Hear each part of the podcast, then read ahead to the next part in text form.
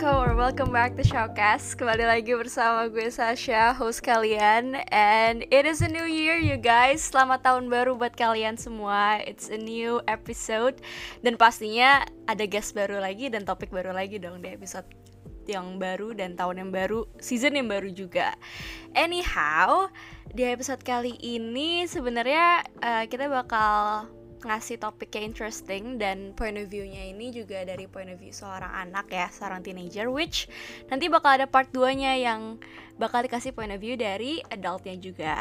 And just to put a disclaimer, kita nggak bermaksud untuk uh, menggurui, but we're just trying to give our point of view as a teenager and we're not trying to generalize everything. Instead, kita cuma ngasih point of view dari kitanya sendiri aja gimana. Jadi, technically uh, we're just sharing our stories. Nah, uh, since I haven't talked about today's topic, topik kali ini sebenarnya tentang budaya uh, bisa dibilang parenting lah ya di Indonesia dan juga di luar negeri itu kayak gimana sih and well we're just sharing our stories about it.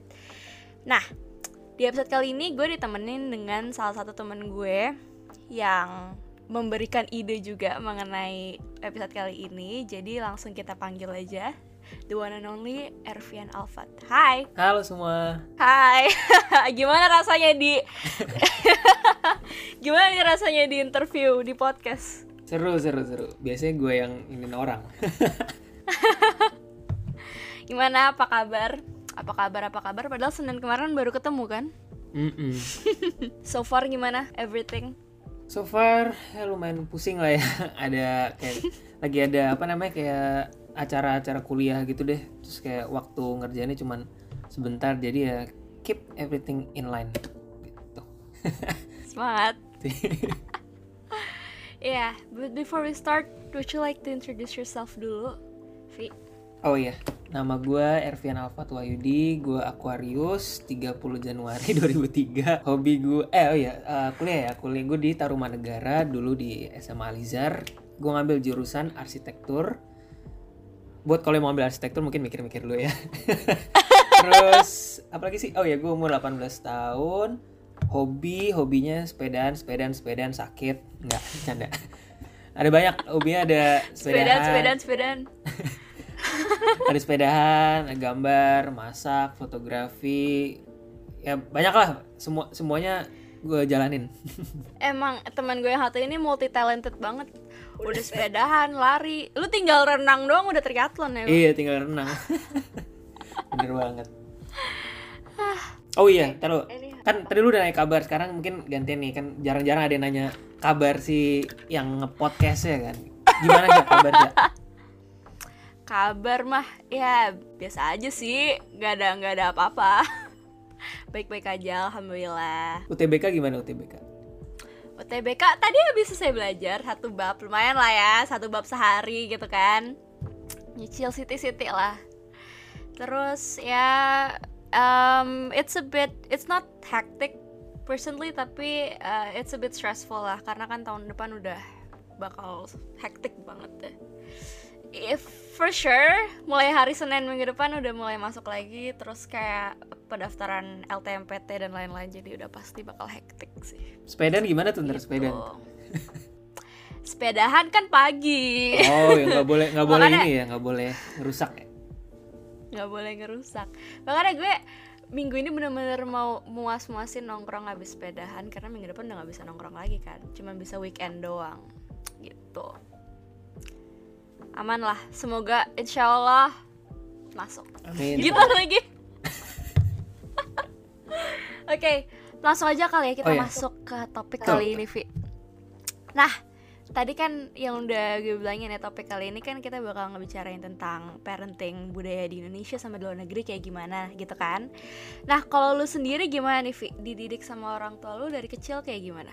Gue itu first of all gue dari keluarga uh, budaya Jawa jadi sangat apa ya sangat Japanese. Jawa pride Jawa pride. Jawa pride yes exactly. Apa ya? Ya ditekankan lah dari kecil untuk kayak sopan santun misalkan kayak eh, etika-etika kecil yang misalkan lewat depan tuh agak nunduk gitu kan. Yeah. Itu kan ciri khas Jawa banget tuh.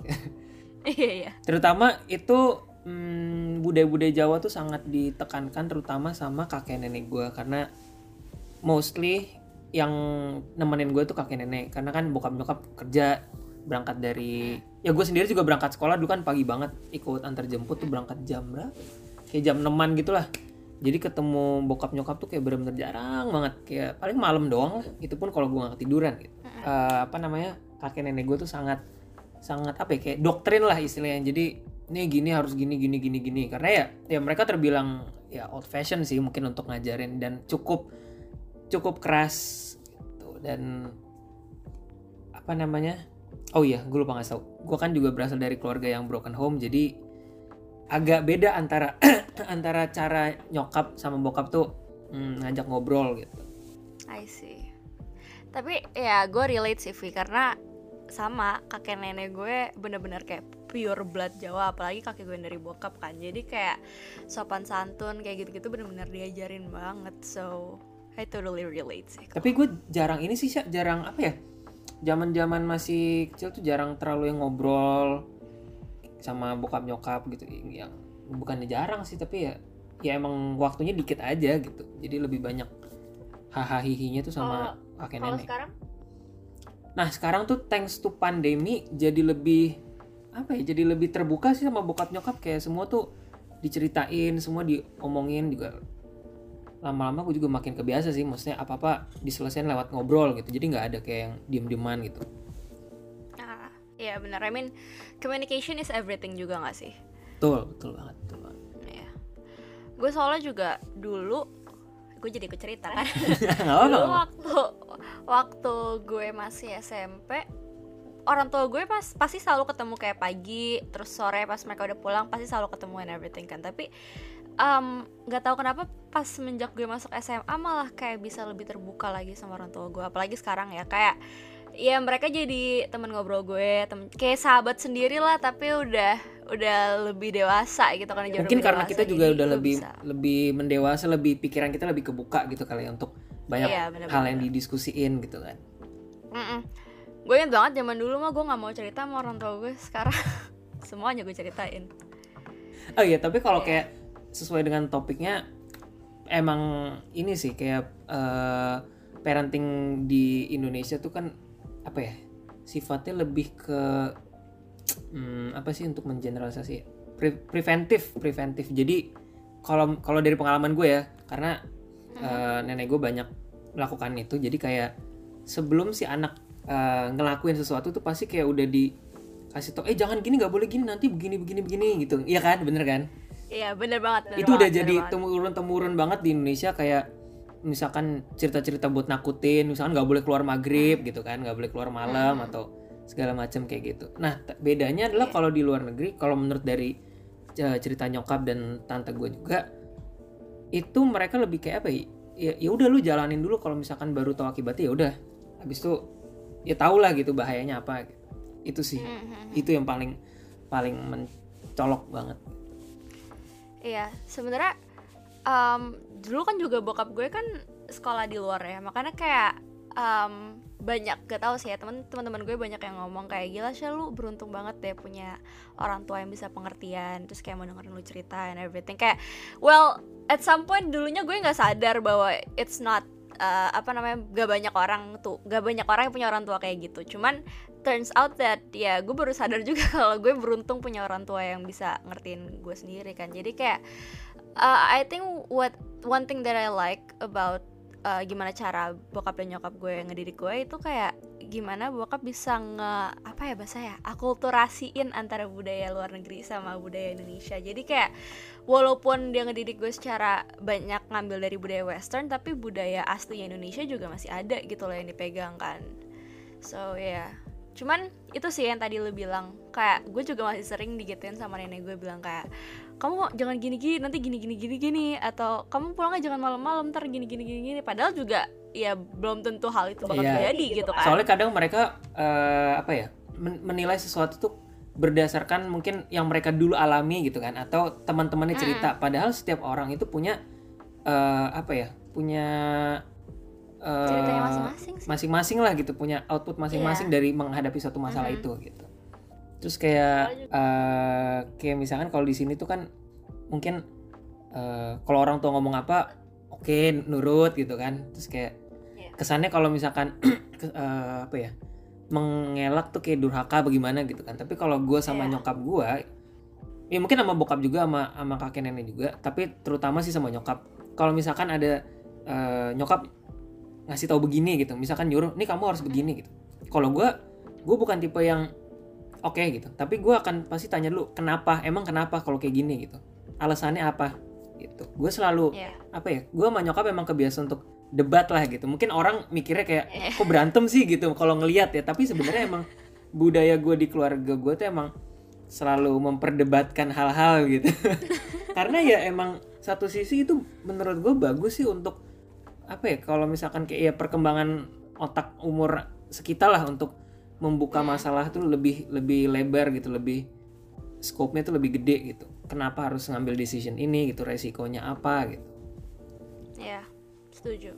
I think cara orang tua kita ngedidik kita it's actually kind of similar sih menurut hmm. gue ya. Cuman yang gue gue sih inget banget kayak kalau sama kakek nenek gue kalau dibandingin sama kakek nenek gue ya ibaratnya mereka kayak kalau misalkan mereka ngasih tahu terus kita ngasih pendapat kita mengenai uh, satu point of view ini lah satu masalah ini pasti malah dibilangnya kok kamu malah ngelawan sih? Kamu malah durhaka sih? Bla bla. Padahal sebenarnya ya we're just trying to give our point of view mengenai suatu hal ini kan. Dan enaknya kalau misalkan lu ngerti ya kita bisa diskusi gitu kan jadi kayak ya it's actually masih tapi hal-hal kayak gitu juga masih jadi apa ya tradisi buat orang-orang lain lah ya. Nenek gue juga masih agak gitu sih kayak kayak yang lu bilang tadi nenek gue masih kayak kalau kasarnya kayak gue ngomong apa ya lu ikutin gitu. Nenek gue tuh masih ada agak gitu. Tapi gue tuh pelan-pelan yeah. kayak pengen ngerubah cara mindsetnya gitu loh. Kalau nggak selamanya apa yang lu eh lu lagi. Uh, nenek gue ngomong itu selalu benar gitu. Ya mungkin ada yeah. ada benernya tapi kadang cara pikirnya mungkin ada yang sedikit salah. Jadi jadi kadang gue selalu kayak nyelipin argumen gitu. Ya sebenarnya nggak berantem cuman mm. ya emang nenek gue keras orangnya gue juga keras. Jadi kesannya kelihatannya kayak orang berantem gitu. Yeah talking about that itu gue jadi inget banget bokap gue itu kan orangnya ngegas ya. Terus nurun ke gue gue juga orangnya kalau ngomong bisa jadi ngegas kan.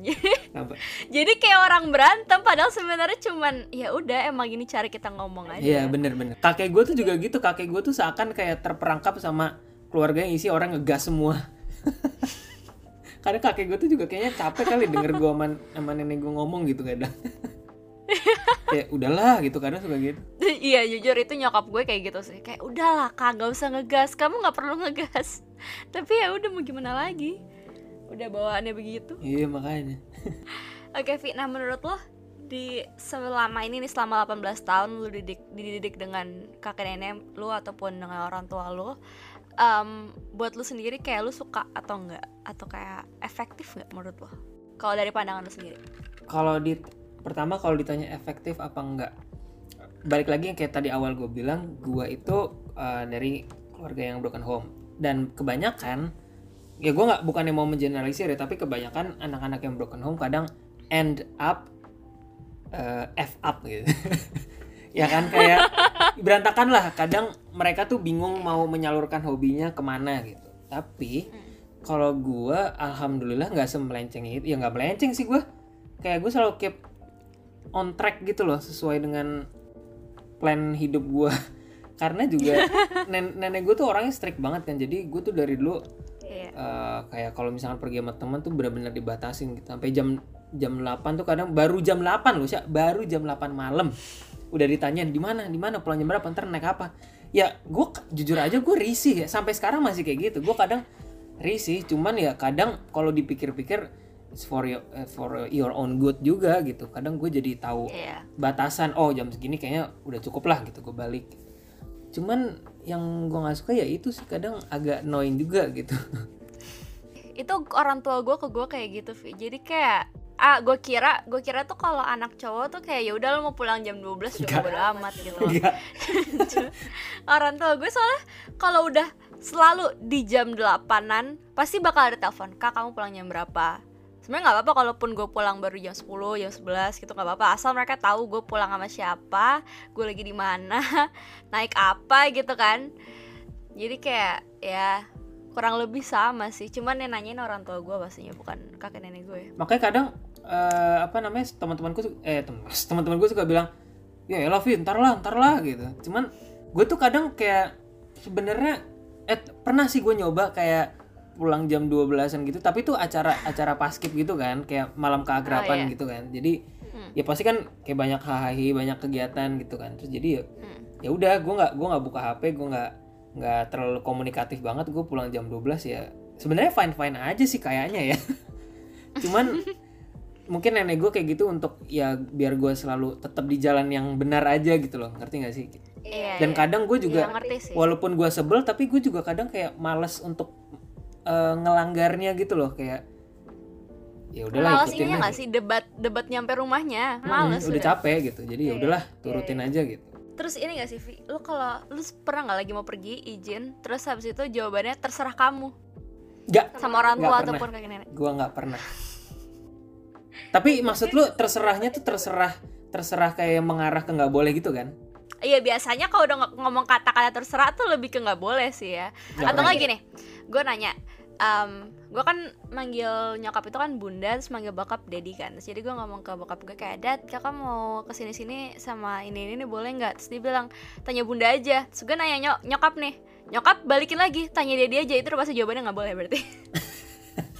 oh isyaratnya gitu ya jadi kayak jadi kayak menolak secara halus gitu loh Terus gue kadang kadang kan kalau misalkan emang lagi pingin kadang kan gimana ya kita keluar pingin ketemu sama teman itu em, suatu kebutuhan untuk kepuasan mental Betul. ya kan? Jadi kadang kalau mereka jawab terserah kadang pengen aja gue ngomong kayak ya udah deh gue jalan aja sendiri gini gini, cuman at the exact same time gue juga keinget waktu gue pernah crash itu kayak kalau gue kenapa-napa Iya, juga nggak iya, lucu iya, gitu iya, kan? iya. soalnya gue udah pernah trauma trauma kena crash parah itu kan? Makanya gue yang kayak ya udahlah. Soalnya gue pernah gini sih suatu hari nenek gue tuh bilang udahlah nggak usah sepedaan dulu lah besok istirahat gitu.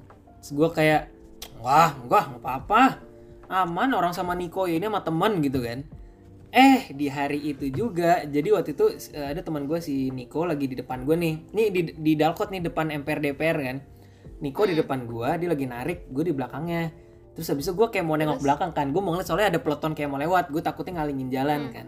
Nah bodohnya gue gue nengok ke belakang tangan gue lupa ngerem. Terus Niko tiba-tiba pun ngerem. Nggak tahu kenapa tuh bocah tiba-tiba ngerem.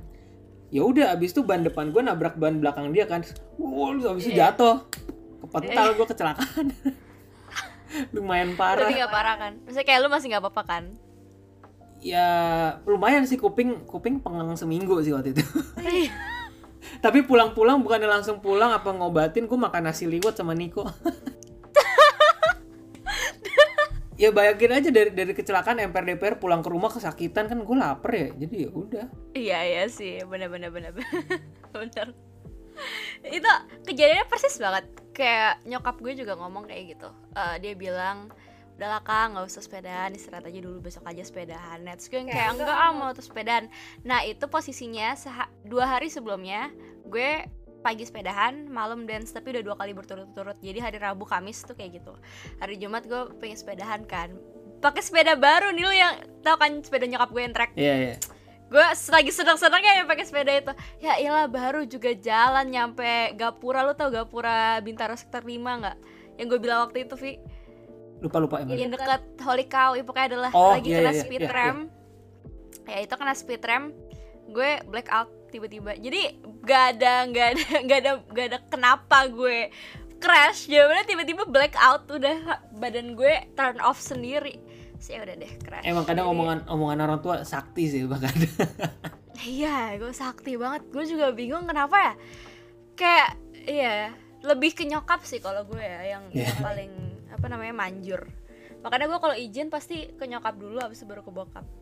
Kayak waktu pernah tuh sih, gue lagi dekat sama cewek gitu kan dari Inten. Ini baru banget tuh tahun lalu Hmm. kejadiannya kan. Nyokap nyokap tuh kayak, ah, kayaknya nih cewek suspicious deh, kayak meragukan gitu. Gue bilang, walah enggak ah, enggak enggak enggak pokoknya enggak enggak denial lah denial. Iya, iya. Eh terus ujung-ujungnya, wah zong. terus abis, abis itu gue gue begitu gue kan emang selalu cerita ke nyokap kan kalau kayak gitu-gitu. Terus abis itu pertama kali gue bilang, gue panggil nyokap gue mami kan, mi. Sorry ya nggak dengerin. Ternyata emang bener deh. Terus nyokap gue kayak ah kan. Udah gitu doang. Bener-bener kualat anjir. Aduh emang insting seorang banget. ibu tuh ternyata kuat kuat banget. Iya, bener-bener bener. Bener, itu nggak salah sih. Nah, anyhow, um, what's your favorite atau annoying thing dari how your family treated you dari dulu sampai sekarang? Hmm, paling nyebelin itu selain dari yang tadi kayak selalu ditanyain jam berapa jam berapa itu ini sih kadang eh, nyokap nyokap tuh kadang suka kayak kalau misalkan lagi di public place terus suka eh, apa ya bukan ngomelin sih kadang kayak negur tapi kayak kadang ngomong itu kenceng banget kan gue jadi malu. Itu sih pernah tapi jarang jarang jarang. Tapi kadang kayak pernah pernah gitu tuh kadang malu aja. Itu sih. Terus apa lagi ya? Oh, udah sih kayak itu doang deh. Dari kakek nenek lu nggak ada lagi? dari kakek nenek oh paling ya nenek gua agak keras kepala sih kalau dibilangin. Dia kadang sangat sangat amat sangat idealis. Jadi kayak apa yang menurut dia benar ya benar gitu. Jadi susah banget buat buat ngebuka pikirannya lebih luas gitu. Tapi ya ya wajar sih orang-orang generasi nenek gua emang terdidik seperti itu gitu. Karena dia juga suka ceritakan emang dari bokapnya dia emang didikannya keras gitu. Jadi kayak strict banget lah gitu. Rules Iya. ya tetap harus dijalanin gitu. Ya sama sih kakek gue juga kayak gitu. Ah, tapi I mean we we all have our annoying things sama favorite things juga nggak sih dari how our family treated us.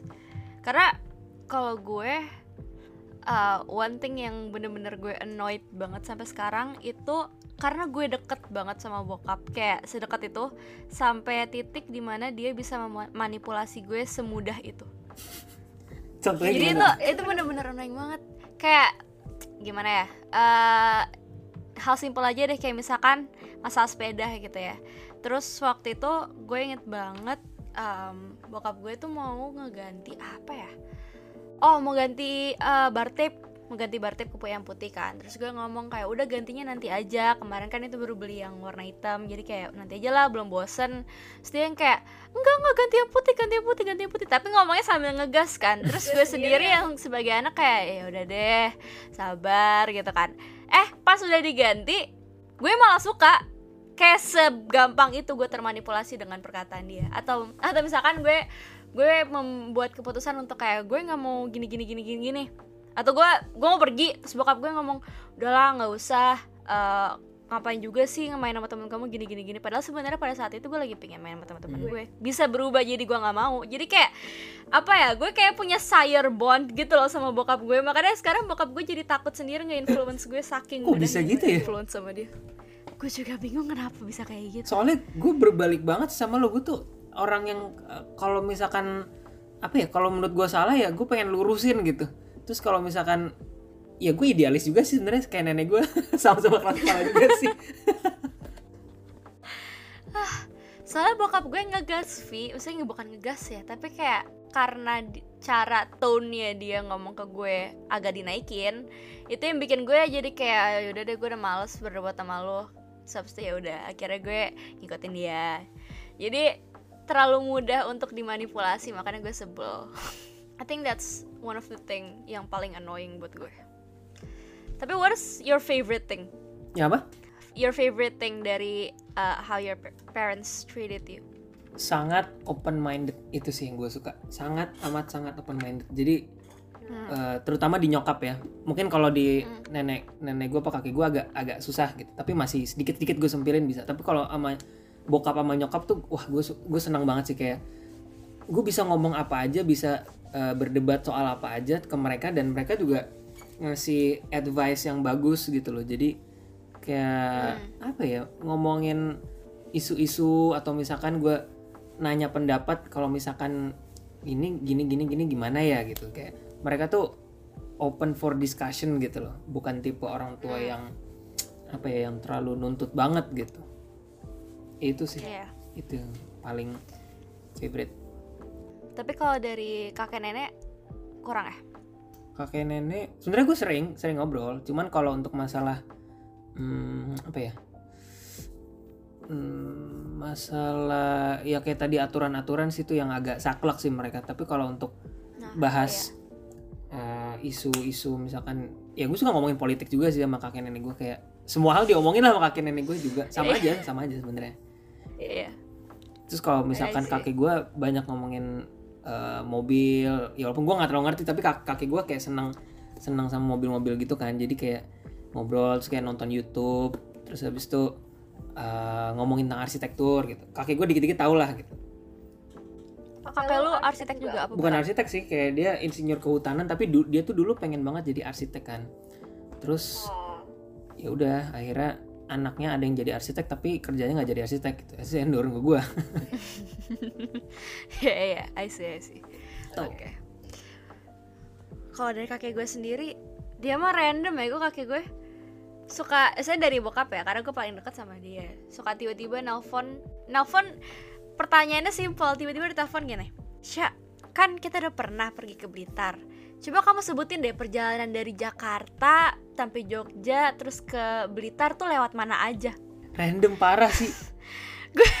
Gue kayak aduh ya Allah gue mana hafal sih? Kayak kamu kan anak IPS harus tahu geografi harus hafal. Gue kayak ya Allah gue lagi lagi enak-enak nonton tiba-tiba ditelepon. Cuman nggak apa-apa sih. Kan eh, bonding ya bonding, bonding eh by the way tadi kakek nenek gue omongin tuh dari dari nyokap ya karena kan gue tinggal tinggal barengnya sama mereka Hmm, kalau yang iya, dari iya. dari bokap eh, udah meni- udah passed away dan gue juga jarang ini sih jarang jarang apa ya jarang bukan jarang nengokin maksudnya nengokinnya paling ya sebulan sekali gitu ke mereka di Cibinong kan jadi nggak terlalu sering Hmm. jauh banget juga sih Mm. Nah, Vi, tadi kan lu bilang kan eh, nenek lu tuh super strict sama lu biar maksudnya biar lu nggak melenceng gitu kan. Cuman eh, sekarang itu kan banyak banyak anak-anak yang bilang, maksudnya kayak ya point of view sebagai anak itu bilang kalau mereka nggak bisa ngeraih eh, kepuasan mental mereka. Dan misalnya kayak mental mereka tuh nggak bisa stabil lah kalau sama keluarganya. Jadi mereka harus keluar which can apa berakibat mereka apa namanya jadi melenceng dan lain-lain kan. Nah kalau lu sendiri ngerasa gitu nggak? Nggak kan? Enggak kalau dari cita-cita sih kayaknya enggak, enggak sih. sih. Enggak kalau menurut gue kayak yang tadi lu bilang sih Syak, bener communication is the key. Karena kalau menurut gue ya nggak mungkin juga sih anak kalau di terlalu dilepas banget jadi ke mana-mana kan? Mm. jadi kalau menur- menurut gue harus dibicarain sih maksudnya bat- sampai batasan mana eh, boleh orang tua tuh nggak intervensi kehidupan si anaknya gitu loh. Iya. Kalau menurut gue sih gitu emang ya seorang anak pasti punya pengen punya privacy juga lah ya. Apalagi kalau udah remaja gitu kan. Kayak pasti mereka pengen punya privacy sendiri. Cuman em, kayaknya one of the problems dari uh, yang ngerasa mereka kurang terpuasi mentalnya itu ya karena the lack of communication antara orang tua sama anak kan. Nah, tapi kadang kalau gue perhatiin nih, Syak, kayak misalkan orang tua ini terlalu terlalu apa ya membatasi. Kadang justru si psikologi si anak ini berpikir, kok gue jadi penasaran ya kalau ngelakuin sesuatu yang nggak dibolehin. Nah, kadang kadang itu tuh yang jadi bahaya tuh kalau misalkan orang tua, gue nggak bermaksud menggurui ya, tapi kalau gue perhatiin dari dari apa ya misalkan teman-teman gue lah gitu misalkan. Atau mungkin gue sendiri gitu kalau terlalu di- terlalu terlalu terlalu dilarang kadang menimbulkan eh, apa ya perasaan ingin tahu terhadap satu batasan yang seharusnya nggak dimasukin gitu.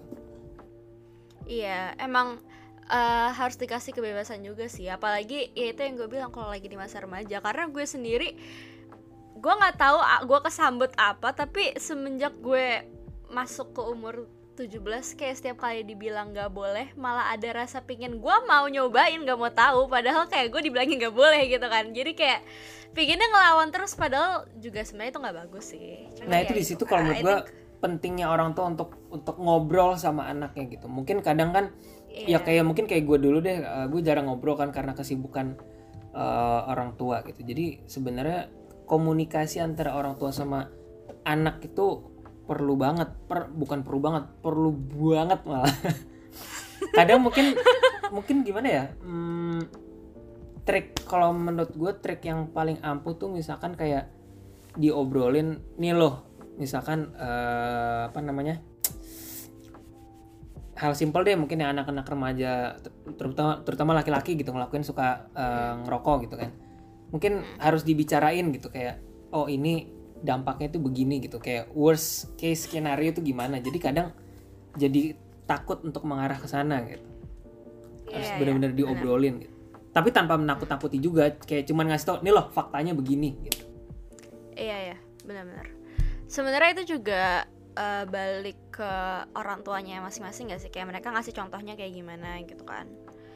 Tapi itu juga balik lagi ke anaknya juga sendiri. Kalau misalkan dia dia ngerasain diberikan contoh dia pingin mencontoh misalnya kayak mempraktekkan di kehidupan dia juga iya beda cerita gitu kan. Oh ya gue pengen nanya nih. Kalau di parenting di Indonesia tuh um, orang tua gue suka ngebilang bahasanya tuh politik balas balas dendam. Politik balas dendam ya pokoknya kayak balas dendam gitu lah menurut lu gimana Vi? Wah, gue tuh paling gue paling anti banget sama yang kayak gituan. Gue benci sebenci benci. Tapi gue pengen pengen pengen nyuarain kayak gini, cuman gue nggak nggak punya platform kan. Ya, jadi untung diundang. Apalagi kayak apa ya? Misalkan, oh gini gini.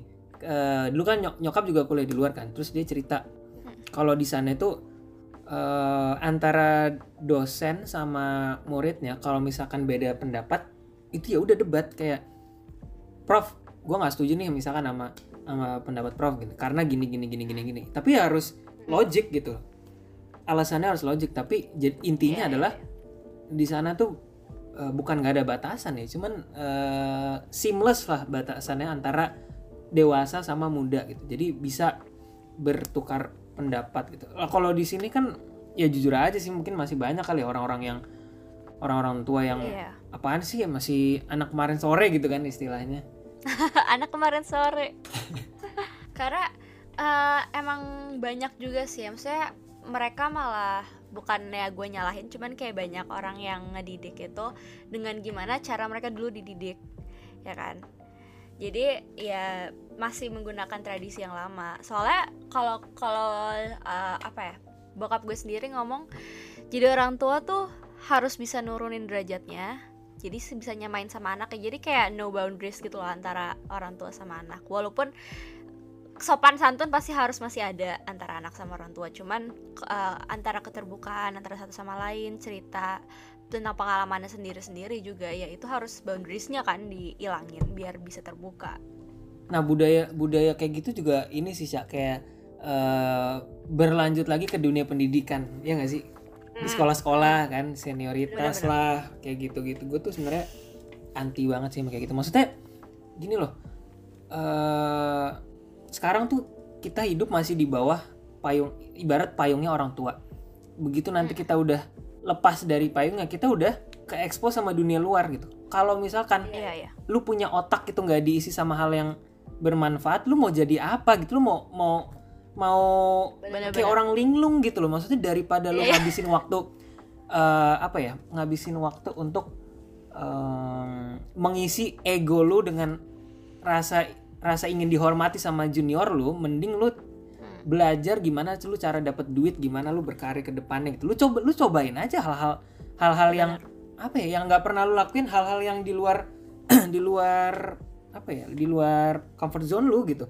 Jadi kalau menurut gue iya. nggak tahu ya kayak menurut gue tuh primitif banget gitu loh. Kayak nggak nggak ada nggak ada gunanya buat ya sayang aja sih otak lu dipakai buat mikir kayak gitu. Iya, benar-benar. Benar karena em, gue inget banget waktu gue jadi ngomongin tentang senioritas cuman nggak apa-apa. Gue dulu waktu ikut gadis sampul em, terus kan gue jadi tahu banyak-banyak platform gitu kan. Terus ada salah satu eh, aktivis muda namanya Faisy Manjuntak, lo tau nggak? Eh, pokoknya adalah dia. Eh, dia punya rumah V gitu kan. Terus dia itu seumurannya jatuhnya kayak seumuran agit gue lah jadi dua tahun di atas gue kurang lebih lah ya Terus gue pas pertama kali ngeliat dia eh, itu kan posisinya gue kelas 11 kan pas out jadi kayak gue ngeliat gila dia umuran agit gue udah bisa bikin platform udah bisa ngasilin duit udah bisa ngebantu anak-anak yang apa namanya eh, punya masalah mental terus habis itu korban-korban uh, human trafficking dan lain-lain kan. Sedangkan agit gue mikirannya masih eh tas ini dong beliin gue ini ya atau nggak kayak masih ngolek-ngolekin gitu loh. Gue kayak aduh. Makanya dari situ dari situ sebenarnya juga salah satu reason kenapa gue nggak bangun showcase karena gue ngerasa kayak gila hidup gue useless banget kalau cuman mikirin masalah uh, senioritas dan lain-lain which kenapa juga gue sekarang udah males mikirin kayak gitu. Bokap gue bahkan apa nanya kayak kamu kok nggak ini utas sih? Kan kamu dulu di gini gini gini Terus gue kayak "Ah, udahlah bodo amat ngapain sih mikirin kayak gitu? Mendingan gue mikirin buat yang ke depannya gitu kan lebih bermanfaat.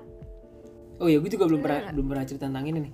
Kayak pas eh, awal pandemi itu kan bosan parah ya. Gue nggak tau, gue gue nggak tahu mau ngapain. Terus kayak gue mikir ya, gue gue tuh kalau lagi keluar keluar beli belanja gitu kan. Terus gue ngeliat kok kayak orang tuh ada yang ngemis, ada yang di pinggir jalan. Kok gue kasihan gitu. Gue gue paling nggak bisa kan ngeliat orang-orang kayak gitu. Tapi gue kadang bingung gue harus ngapain gitu. Terus kayak tiba-tiba muncul lah ide gue bikin namanya aksi nyata. Ada di IG, follow. Hmm. Ya tapi sekarang lagi nggak nggak aktif sih udah lama nggak aktif. Jadi kayak waktu itu ya udah gue ngajak teman-teman eh eh ini yuk bagi-bagi yuk gitu bagi makanan gitu ya ya udah gitu. Kalau menurut gue lebih jauh lebih bermanfaat kayak gitulah daripada mikirin hal-hal yang nggak penting gitu. Iya, bener banget, bener.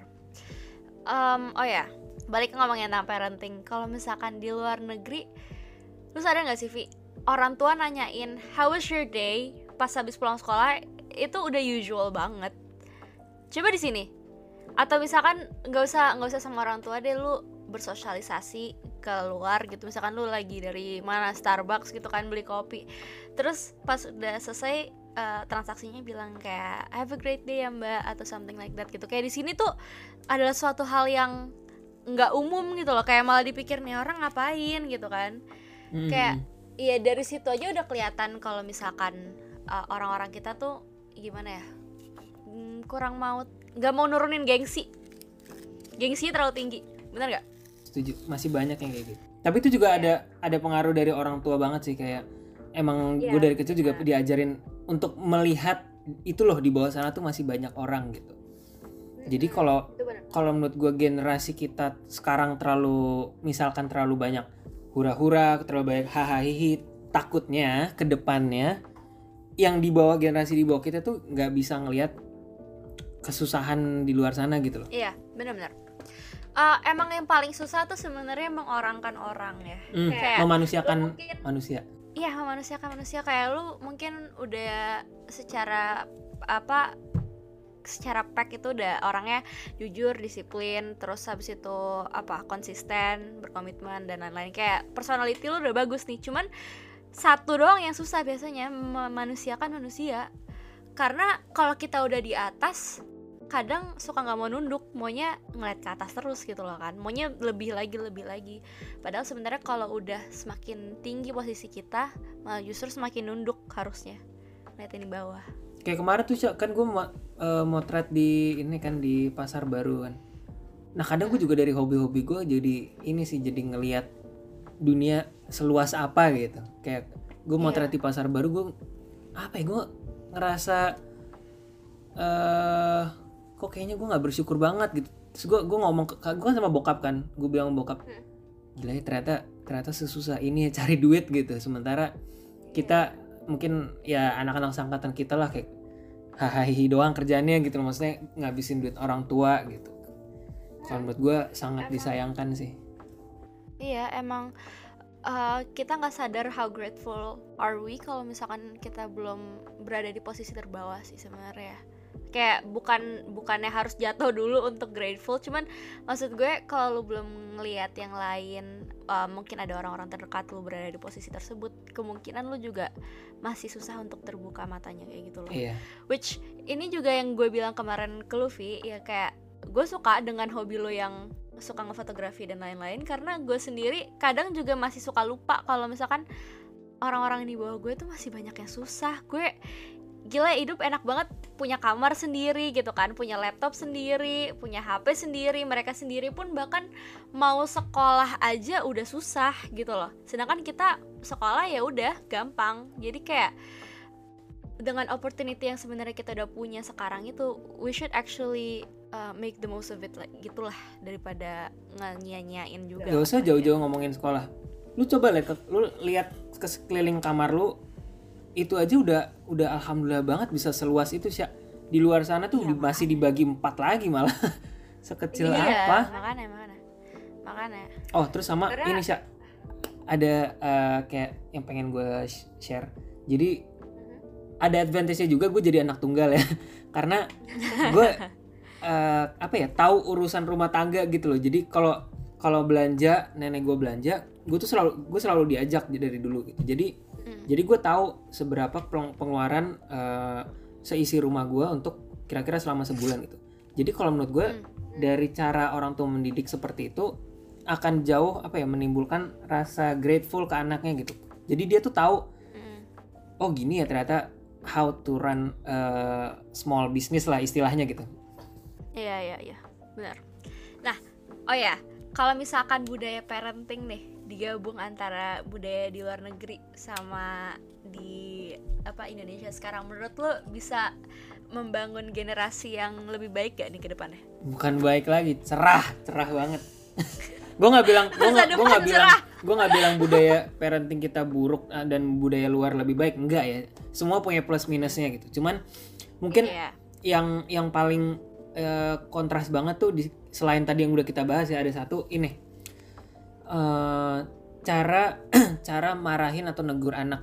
Nah itu yang di sini Ah, agak gue nggak setuju sih. Kadang kayak terlalu dibentak apa segala macam kan. Kalau di luar kan lebih kayak ya lu tau lah pasti banyak banyak video di di sosial media orang-orang luar tuh kalau marahin anaknya ya enggak kamu nggak boleh gini kamu harus gini gini gini ya gitu. Tapi kalau di sini kan iya. wuh gitu. Burst Iya, banget iya, lah. iya, benar-benar. Ya balik lagi sih ya. Communication is key. Emang udah jadi apa ya emang komunika- komunikasi tuh udah menjadi nomor satu. Cuman ya itu mungkin masalah satu masalah orang Indonesia adalah emang mereka tuh kurang bisa berkomunikasi. Lebih tepatnya kurang bisa terbuka dengan orang sekitarnya. Itu penyakit masyarakat menurut gue. Benar-benar oh ya itu speaking of uh, memanusiakan manusia juga. Kayak di luar itu kan jarang banget ada yang punya asisten rumah tangga ya. Jadi mereka tuh Iya, benar. ini banget sih apa ya eh mandiri banget gitu. Sementara kalau kita kan di sini untuk yang kelas menengah ke atas pasti punya asisten rumah tangga kayak banget. mbak mbak dikit-dikit mbak gitu kan.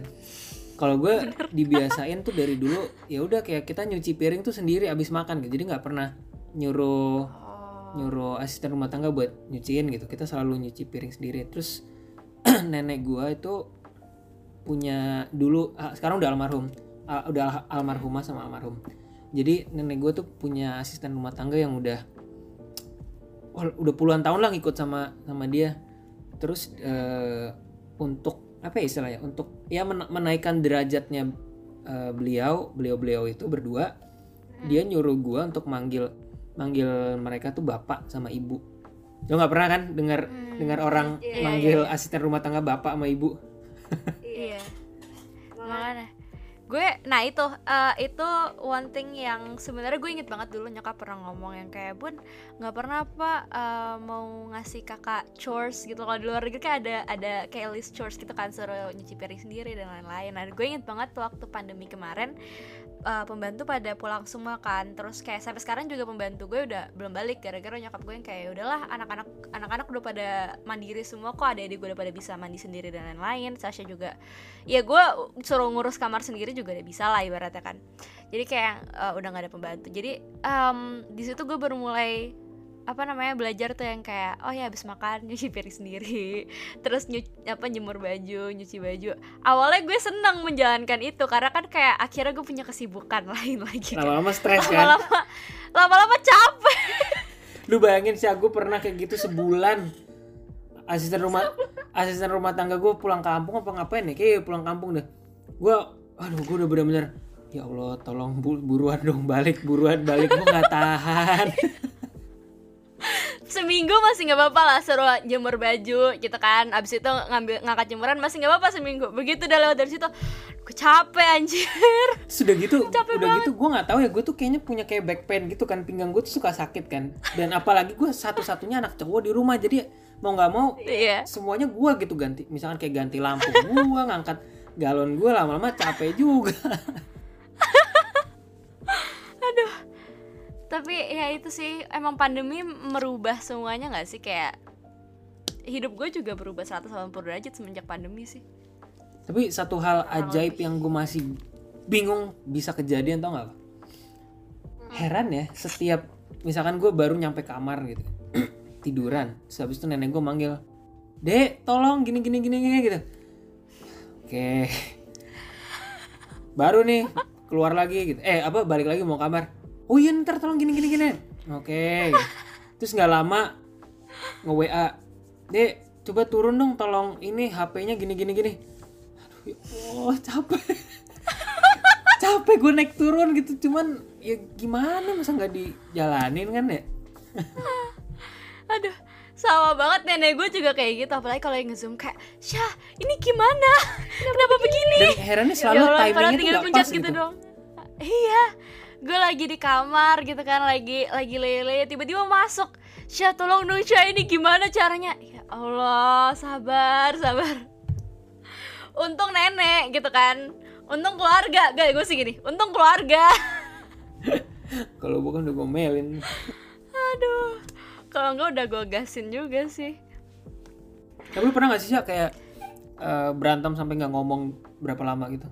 Berantem. Pernah sama nyokap. Tiga hari gue inget banget. Tiga hari. Waktu SD iya waktu SD wow tiga gue hari lupa lama sih loh. kenapa. Gue lupa gue tapi nyokap juga nyokap juga udah bahkan nyokap udah lupa kalau dia pernah marah sampai kayak gitu. Gue gue inget banget dulu waktu SD tuh kayaknya bukan berantem sih lebih tepatnya karena gue dimarahin sama nyokap terus abis itu uh, besok paginya gue dianterin kan sama dia kan. Itu di mobil sepanjang jalan diem aja nggak nanya apa apa biasanya nyokap kan kayak ngobrol gitu kan. Ini sama sekali nggak ngomong. Gue inget banget. Terus gue kayak di mobil ya udah gue ngeliat jalanan dia oh itu awkward parah sih. Awkward parah. Terus besoknya besoknya baru mulai ada ngomong dikit-dikit. Terus hari ketiga baru mulai ya mulai ngomong lagi. Hari keempat habis itu baru reda. Itu gue inget sekali. Eh, sama paling pas abis gue pulang dari KM0 kan gue sempet jatuh tuh di Depok ya yang sepeda gue lecet tuh. Itu gue gue kan dimarahin abis-abisan baru pulang masih capek-capek abis nanjak kan dimarahin abis-abisan sama bokap gue bener-bener jatuh anjir rasanya mental gue tapi gue udah nggak tahu mau ngapain lagi karena gue udah capek kan. Terus besok paginya baru kerasa sedihnya tuh gue nangis seharian. Nggak sih seminggu gue nangis. Gara-gara dimarahin. Cuman abis dari jatuh itu gue bokap gue masih ngobrol. Cuman guenya yang nggak berani ngomong ke dia. Mhm. emang Itu itu susah sih buat berani ngomongnya itu. Ya karena lu kena mental ya Iya, lu iya, bayangin iya, iya. aja. Gue inget banget dia ngomong yang oh ini berhubungan sama masalah parenting sih. Jadi kayak ya bisa dibilang bokap nyokap gue sama gue apa yang gue mau dikasih lah walaupun uh, gue harus nge-achieve sesuatu untuk ngedapetin itu. Cuman dia ngomong kayak gini kayak kamu tahu nggak dulu tuh Dedi minta kayak gini aja nggak dikasih? Bayangin Hmm. cuma sekecil aja nggak dikasih. Kamu sepeda semahal kayak gini dikasih sama dia di, kamu bisa bisanya digini gini gini gini panjang lebar. Terus gue langsung kayak ya Allah. Besok ya sakit hati. Tapi nggak salah juga nih ngomongin ya. Sakit hati. Tapi nggak salah juga gitu kan. Cuman ya gue sakit hati aja dengerin ya cuman ya ya itu jadi pelajaran sih buat gue. Tapi gue kalau kayak barang-barang mahal gitu gue ini sih jarang sih. Gue gue pasti dapetnya kayak cuman pas ulang tahun gitu. Karena gue juga sungkan sih. Gue agak nggak enak kan kalau iya, misalkan beli barang yang mahal-mahal gitu. Jarang banget sih gue tuh.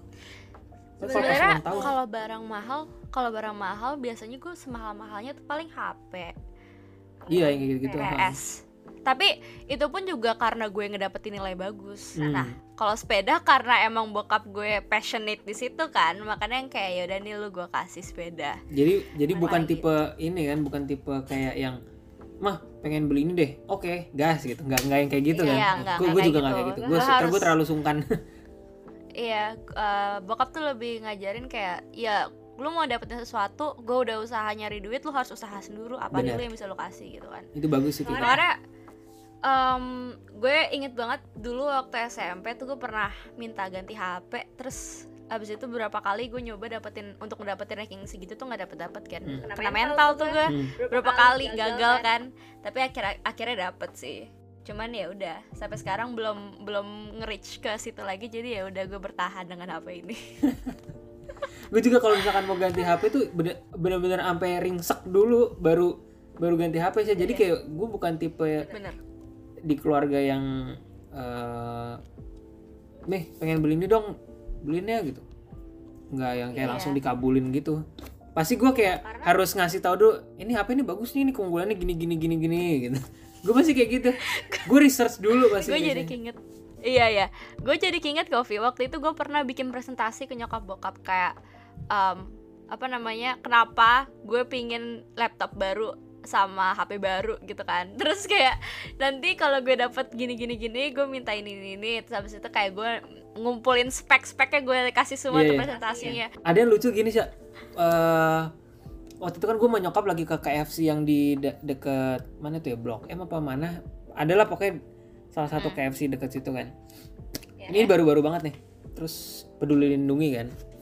Mau Hmm. buka lama banget karena itu HP gue udah penuh kan.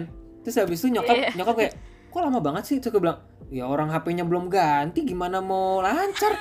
Terus dia jawabannya jawabannya tau gak apa oh iya kasihan juga ya berarti ya. Dia bilang gitu. So, gue habis itu gue langsung asik nih HP baru nih HP baru nih.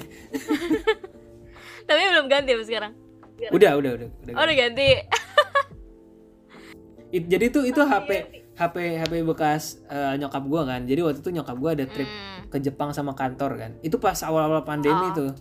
Terus tiba-tiba dia WA gua dek doain mami ya. Ya kan gue deg-degan dong lagi pandemi awal. Gue takutnya emak gue doain kenapa gitu. Terus habis itu dia bilang Mm-mm. dek doain ya biar mami dapat eh, door prize Samsung Galaxy Note apa gitu. Ya elah gue kira doain biar selamat doain biar apa ya? Duniawi banget doain gue doain Aduh, beneran. Dan banget. akhirnya dapet. Ngakak banget. Aduh ngakak banget.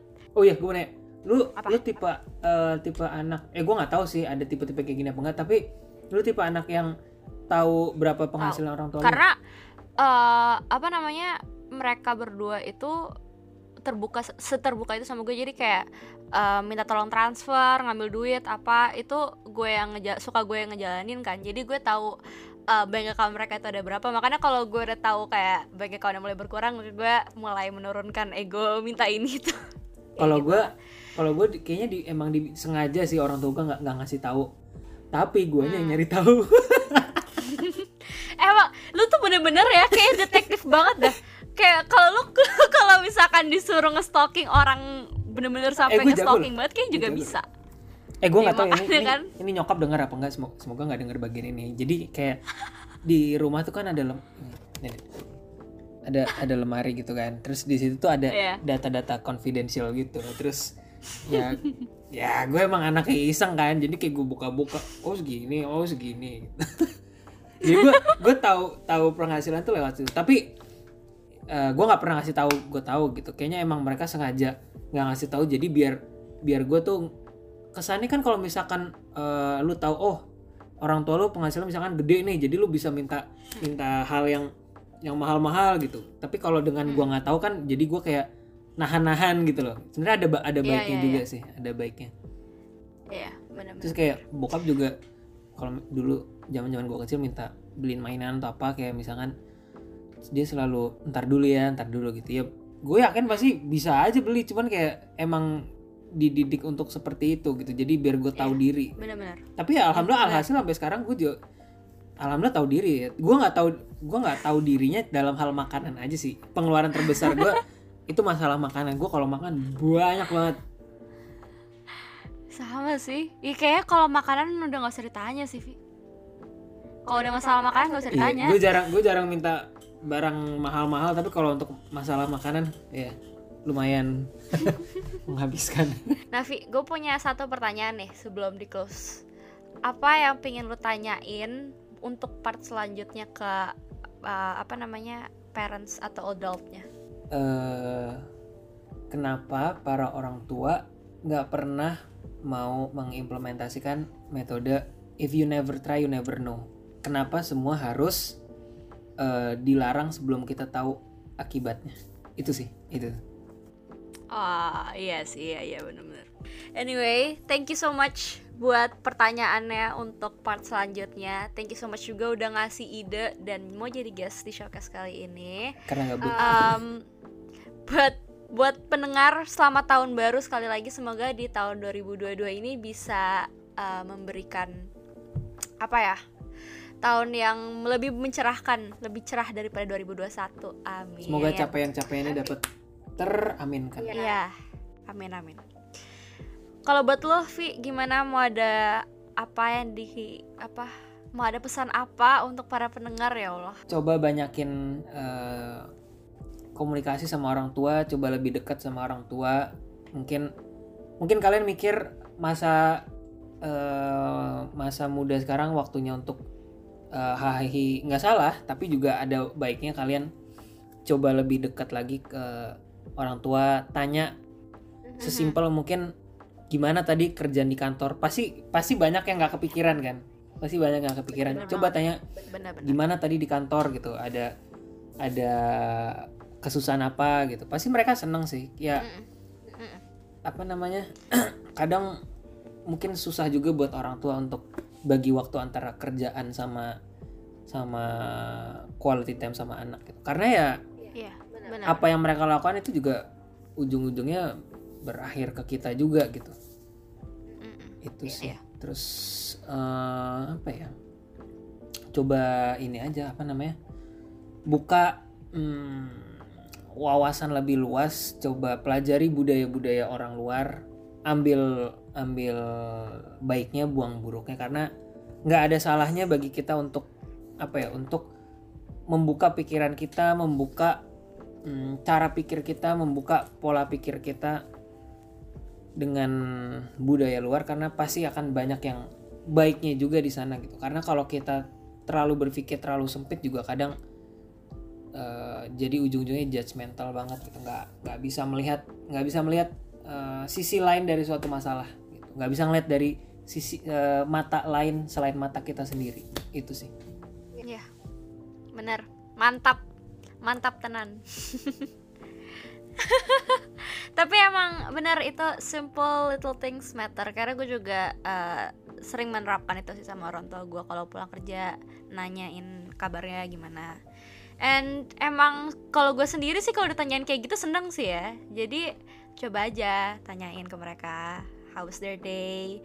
Uh, gimana kerjaan? Atau kayak how are you feeling? Karena kita juga nggak tahu. Kadang kan orang tua lagi sedih atau lagi stres kita sering nggak tahu kan ya jadi kayak ya coba aja tanyain kali aja nanti jadi bisa lebih terbuka antara satu sama lain gitu kan nyokap bisa juga nyokap juga ini sih bagus. nyokap juga uh, sedekat-dekatnya deket banget sama sama anak buahnya karena dia bukan dia nggak dia nggak suka tipe-tipe apa ya kayak bos yang bossy banget terus kayak menuntut terus kayak set barrier too much sama sama karyawannya dia tuh senang yang ngeblend banget jadi setiap pulang kantor tuh pasti ada aja cerita lucu konyol-konyolan iya, iya. gitu. sama sama sama nyokap juga kayak gitu jadi ya emang sebenarnya uh, the key of everything emang ya udah terbuka aja sama orang-orang di sekitar lo hmm. iya yeah. Well anyway, um, sekali lagi Vian, thank you so much for joining you today. And for the listeners, semoga episode kali ini bisa bermanfaat buat kalian semua. And don't forget to follow all of our social media di Instagram at showcase.sha dan di Twitter at showcase underscore sha. And also don't forget to listen to our podcast available on Spotify, Apple Podcasts, and Google Podcasts. And if you guys want to support us, don't forget to check out Anchor. I guess that's it from us today. I hope you guys enjoyed, it and I will see you guys in the next episode. Bye bye. Bye bye. Thank you semua.